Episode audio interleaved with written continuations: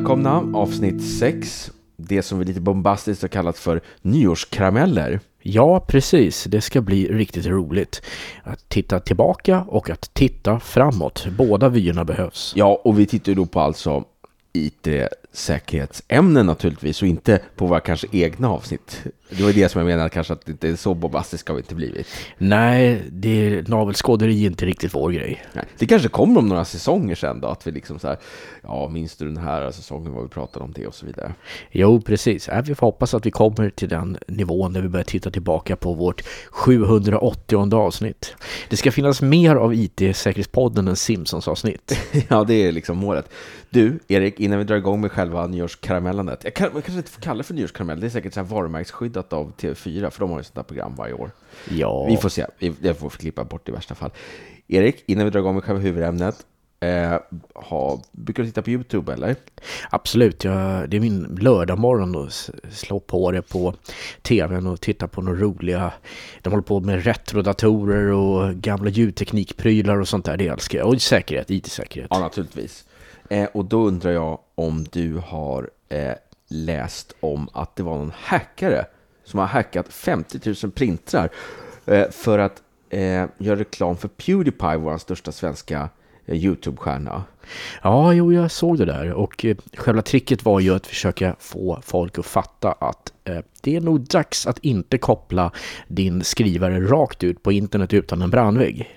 Ja, just det. Så att hackaren alltså lyckades skicka ut re reklam till, på skrivare som var ute på nätet helt enkelt. Och så kom det ut papper där det stod liksom hur bra han var och så vidare. Att man, och, och dessutom hans motståndare på YouTube då som heter T-Series, att man skulle sluta följa honom. Ja, men alltså, sen minns jag att den här killen som hade gjort det, eller de som hade gjort det här, hade ju tittat på något som heter Shodan HQ, som är ett program som spårar och sparar och dokumenterar och listar upp alla typer av sårbara enheter som du kan nå rakt ut på internet. Så den hade han använt för att ta reda på alla skrivare som var igång. Just så det är inte särskilt svårt. Det är någonting ni kan göra själva om ni tycker det är kul. Ja, okej. Okay.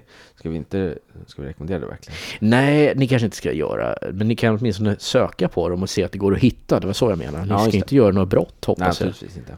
Man kan ju följa eh, Pewdiepie ändå utan att behöva hacka en massa skrivare på nätet. Precis. Nog om det. Eh, lite säkerhetsåret 2018 om vi börjar med det. Det är lite av ett mellanår i säkerhetsvärlden kan man ju säga. Ja, lite känslighet. De häftiga sakerna, de grejerna som verkligen reagerade på, de kom 2016 och 2017. Så det känns som att 2018 har fortsatt att se en vidareutveckling av saker och ting. Och då kan man ta saker och ting som till exempel de här SMB, alltså server message blocks, eh, de här sårbarheterna som fanns i Microsofts gamla fildelningsprotokoll från förr.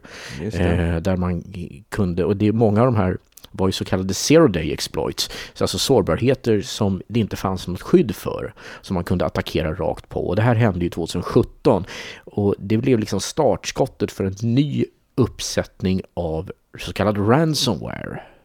Jaha, som använder SMB, alltså gamla filservrar kan man ju säga då, Ja, det är inte det enda protokollet de använder, men det var ju en stor attackvektor och eh, det fanns ett antal av dem där som kom 2017 och under 2018 så har vi sett det där bli mer och mer vanligt. Även om vi som vi sa förut så är det kanske inte så lukrativt per eh, gång du gör det. Så det är fortfarande mer och mer vanligt. Ja, det känns som vi pratar om det varje gång. Ja. kan man säga då att ransomware, det var 2018 var ransomwarens år. Jo, lite grann så var det. Och mm. det, det, är intressant faktiskt.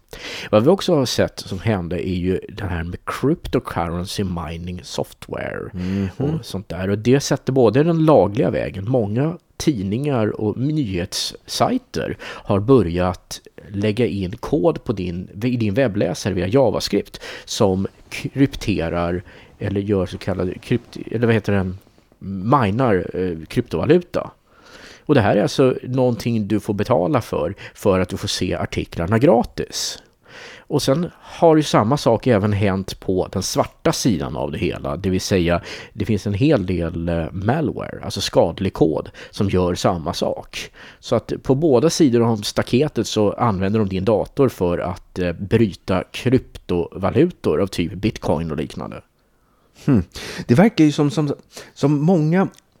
Det är ju lite det samma sak som jag pratade om förut med DDoS-attacker. Många är bara ute efter kapaciteter i din dator och Ja. göra, göra stora saker. Ju mer kapacitet man kan komma åt, desto mer kraftfulla saker kan man göra. Ja, precis. Och då handlar det om bryta, det här är ju så abstrakt egentligen, liksom bryta kryptovaluta eller om det handlar om att hacka någon, någon sida eller någonting, så är det egentligen kapaciteten i ens eh, dator som, som man är. Processkapacitet, nätverkskapacitet, lagringskapacitet, kort Mm. Det, det är det man, det handlar om. Och en annan sak är ju som vi har sett mer och mer av. Återigen, inte första året i år, men har kommit och blivit mer och mer vanligt. Det som kallas APT, eller Advanced Persistent Threats. Kort sagt inbäddad skadlig kod om du vill som gör att hackaren har en kontinuerlig närvaro i ditt nätverk. Och de har visat att eh, typisk tid från att någon lyckas infektera ett nätverk till det att det upptäcks ligger någonstans över 200 dagar i Ja. genomsnitt. Det har jag också läst. Precis, det är nästan ett år från det att man blir hackad som, ehm, som det kan fortsätta. Precis, och det är ju lite grann läskigt. Ja, lite grann kan man ju säga. Ja, just det här med kryptovaluta tycker jag är superspännande. Det ska vi ha ett separat avsnitt om. Eh, och där känns det som att vi måste bjuda in någon som, är, som kan det här på djupet. För det, det är någonting som kommer komma mer. Det är ju så mycket mer än bara bitcoin. Ja, och dataläckage är ju någonting som sker hela tiden om året. Man, man blir nästan lite luttrad för, för att det sker så ofta. Jo. Eh, senast det här i år var väl hotellkedjan Marriott som läckte flera hundra miljoner konton till exempel. Jo, och sådana där saker händer ju. Det har ju hänt många år tidigare och det har hänt i år också. Så det, det, det har blivit någonting som vi är ganska vana vid vid, det här, vid den här tiden. Men det är fortfarande rätt illa. Och det finns en sajt som heter Have I been pwned? Och pwned stavas P-W-N-E-D. PWNED ja. Och du söker på det med din sökmotor, din favoritsökmotor och du ska finna en sajt där du skriver in din e-postadress och då kan du få ett svar som till exempel ja, din e-postadress var med i ett läckage från säg Adobe till exempel och då vet du, ja ah, just det, ja då får jag byta lösenord och sånt. Så att det är en utmärkt sajt att mata in det där på. Du kan även sätta någon form av varningar så du skriver in dina adresser och då får du ett mail när det har kommit en ny läcka där din e-postadress fanns med. Just just det, och det här, det här tycker jag är lite intressant. För att, eh, och, och tänk om, om det är så att man varit med i den här läckan i den här hotellkedjan Marriott till exempel. Och då blir, får man lite så här, oj, oj, oj, då måste jag gå in och byta lösenord på den här inloggningen på hotellsidan. Bla, bla, bla. Problemet är att eh, det är ofta, många använder nog samma lösenord. Det här förstår ju hackarna om förstås. Då, så att de eh, kan ju använda samma lösenord du haft i hotellkedjan, kanske till ditt eh, provar, till, till ditt Facebook-konto, till ditt eh, eh, mailkonto, till ditt förjobbet du jobbar på och så vidare. Ehm, ja, så det är väl rekommenderat att ha olika lösenord till olika tjänster, skulle jag säga. Ja, precis. Och det, det är sån separation. Du kanske inte behöver ha ett lösenord till varenda sajt.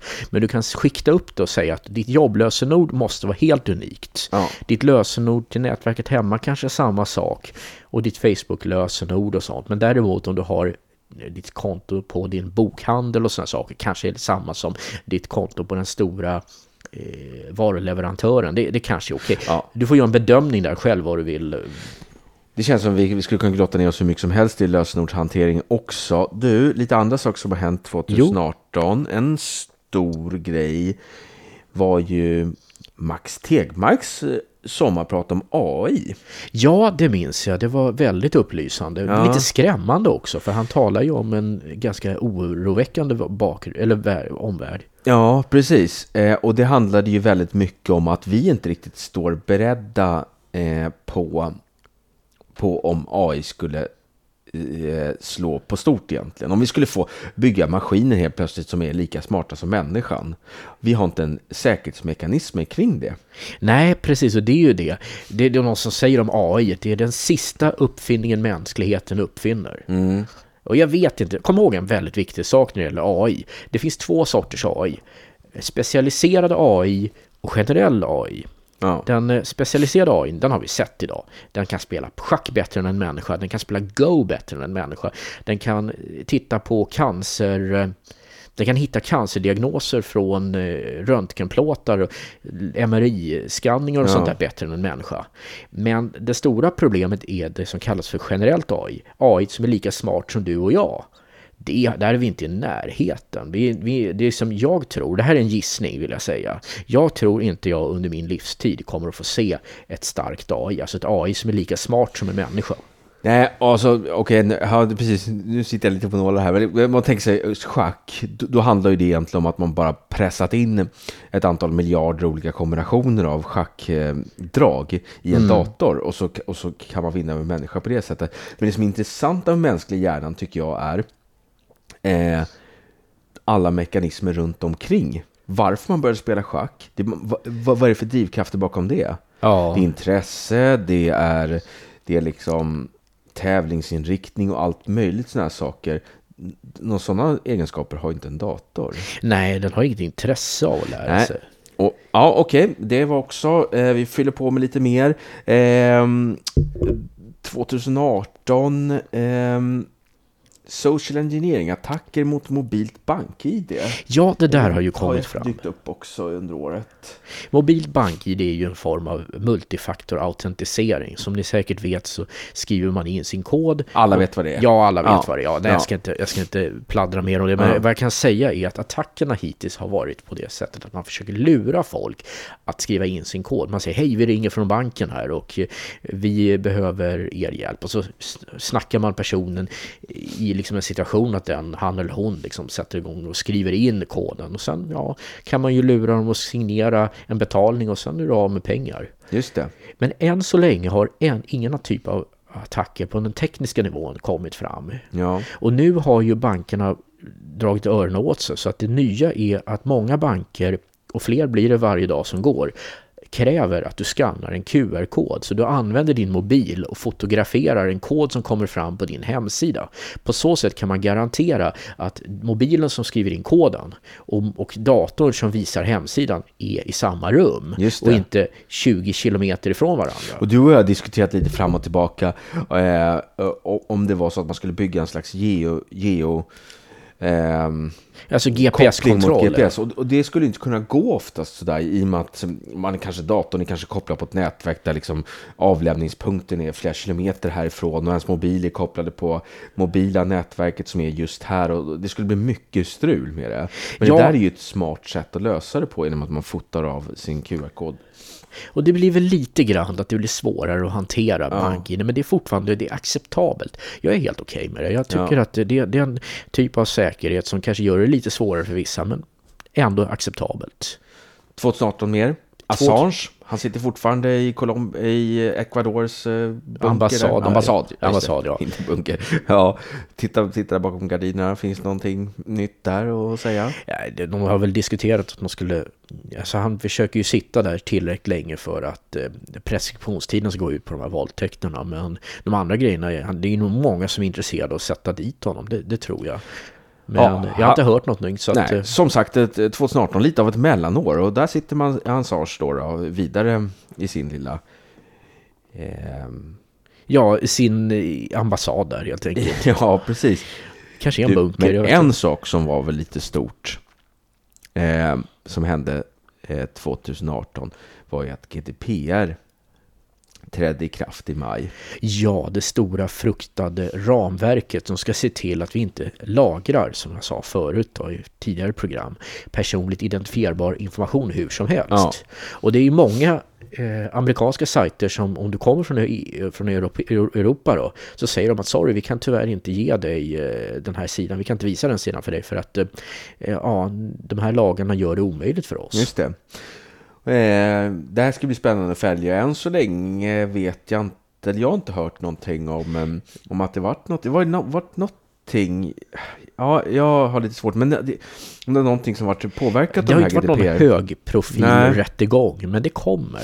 Och Det kommer, det, ja. ja. jag tror det. Och eh, det är nog många som jobbar hårt på det här med GDPR. För att förut har man lagrat information lite hur som haver och utan att tänka på anledningen. Det finns ett skäl till det, det bara lagras sådär för att.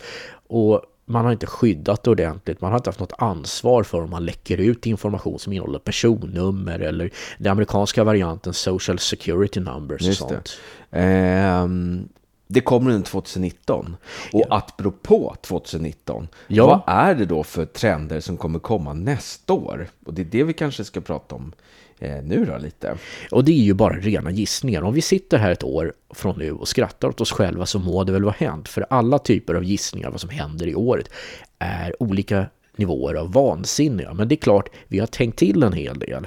Och de här trenderna är rimliga. Jag, jag tror att, att vi kommer att se det här. Men som Ja. sagt, det kan bli fel också. Det, Ja, vi är, du, du har ju tittat lite på sådana här trendanalytiker, amerikanska och såna här grejer och ja, men skrattat lite. Det är mycket... Eh, jag Floskler. ja, bra. Jag tänkte, jag, tänkte säga, jag tänkte säga bullshit, men Du jag sa försökte- jag försökte leta efter ett finare ord. Ja. Men eh, visst, lite, lite floskler och absolut. Eh, och en sak som man tittar på är ju naturligtvis AI. Att det fortsätter. Ja, och det, utan att vika ut allt för mycket, det som är grejen med AI är ju som jag sa, specia, specialiserat AI. Kort sagt, gå igenom stora datamängder och hitta mönster, kunna spåra saker och ting. Jag menar, för några år sedan så var Google väldigt stolta över att de hade lyckats få ett AI att rita en katt. Mm. Genom att titta på tillräckligt många tusen kattbilder så hade den en representation av hur en katt såg ut. Och det, Ja. det var nog den mest Picasso-liknande kattmålning jag sett. Du, eh, jag har ju, jag, jag testade det här. Jag har ju också, jag har ju sett på eh, Vetenskapens världsprogram om, om AI. Ja, Eh, väldigt bra. Eh, och då visar de ju om, om Googles eh, verktyg, eller databas som kan känna igen kattbilder till exempel. Och jag bara lekte lite med tanken och ritade fula bilder på katter till min son som är två år. Ja. Och han kan ju känna igen katter säkert bättre än, än Googles maskin. Jag är nästan Ja. säker på det. ja, det är det som är grejen. AI är inte särskilt avancerat. Det, jag brukar kalla det för AS, Artificial Stupidity.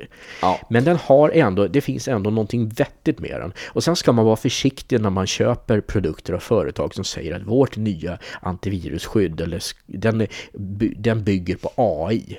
För det är väldigt mycket sådana saker, man, försäljningsargument och sådana saker. Ja, precis. Det man oftast kanske menar är machine learning där, tror Ja, jag. precis. Att man, att man menar på att eh, till exempel ett antivirusprogram då, att, att man liksom fyller alla användare av antivirusprogrammet eh, beteenden i en databas och sen kan de till exempel upptäcka onaturligt beteende. Ja, jo då, det där kommer. Så att AI ska inte räknas ut på något sätt. Men bör, Men under 2019 så pratar man lite om trender som AI-driven utveckling. Har du kikat någonting på det eller undersökt det? inte tittat så jättemycket på det, men det är definitivt någonting som är intressant. För det inte, handlar inte om att helt plötsligt skriver AI-programmen dator, datorprogram. Riktigt där är vi inte än. Nej. Men de kan stödja en person, en programmerare, att göra det bättre, mer säkrare och så.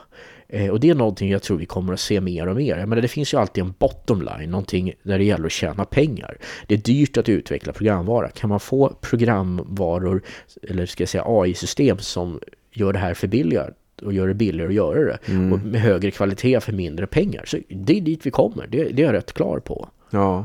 Så det, det tror jag på. Tänk dagen, den dagen vi kommer till att vi har en AI som kan utveckla precis vad folk säger. Så att folk bara berättar en app-idé. Ja, då har vi en intressant samhällsbild framför oss. Det är en hel...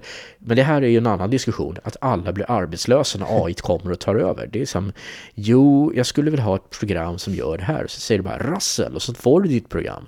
Ja, det är många utvecklare som kommer att gå arbetslösa på grund av det. Men det, det är en annan diskussion. Ja, det är absolut en annan diskussion. Och dessutom så flyttas ju, vad heter det, mm, behovet. Det finns ju alltid behov av IT uppenbarligen och mer och mer för varje år som går. Eh, så att jag tror att om man bara är lite transformationsvillig så kan man nog hitta nya sätt att, att försörjas på. ursäkta. Eh, privatlivet och rätten till det blir ju också ännu mer starkare säkert under 2019 från GDPR vidare framöver. Det är en eh, väldigt underlig utveckling där två saker händer samtidigt. Vi får Ja. mer integritetsskydd och vi får sämre integritetsskydd samtidigt. Det Det är rätt fascinerande. Vi får GDPR som Mm. naturligtvis gör att det blir mindre slarv i hanteringen av vår privata data och allting kommer inte nödvändigtvis spara. Du får också rätt, eh, spara information. Du får också rättigheten att bli glömd och du har rättigheten att ta reda på vad det stora företaget vet om dig. Men det är ju ingen slump att det kanske kommer först nu. Men det är ändå inget hinder. Jag menar, om vi tar Facebook ta som exempel, det är bara en i högen, jag vet. Men om vi tittar så här, vad, på vilket sätt har Facebook inte kunnat lagra din privata information bara för GDPR? Det har vi inte sett något av. Du kan bli glömd av Facebook och du kan ta ut all information Facebook har om dig. Men på vilket sätt, om du inte gör någon av dessa två, har du någon kontroll över ditt privata data hos dem? Nej. Ingenting. Det är ingenting som har förändrats. Nej. Eh, precis. Eh, autonoma system pratar man också om att det kommer slå mycket 2019. Ja, och det är allting från den intelligenta staden som man pratar om. Det vill säga att allting i en stadsmiljö från tunnelbana, bussar till sjuktransporter till allting kommer att integreras. Att staden blir en enda stor Internet of Things. Och den andra utvecklingen man pratar om med autonoma system, det är saker som bilar. Det finns redan i Kista faktiskt en buss som åker helt utan mänsklig hjälp. Har du åkt den? Nej, jag har inte det. det Nej.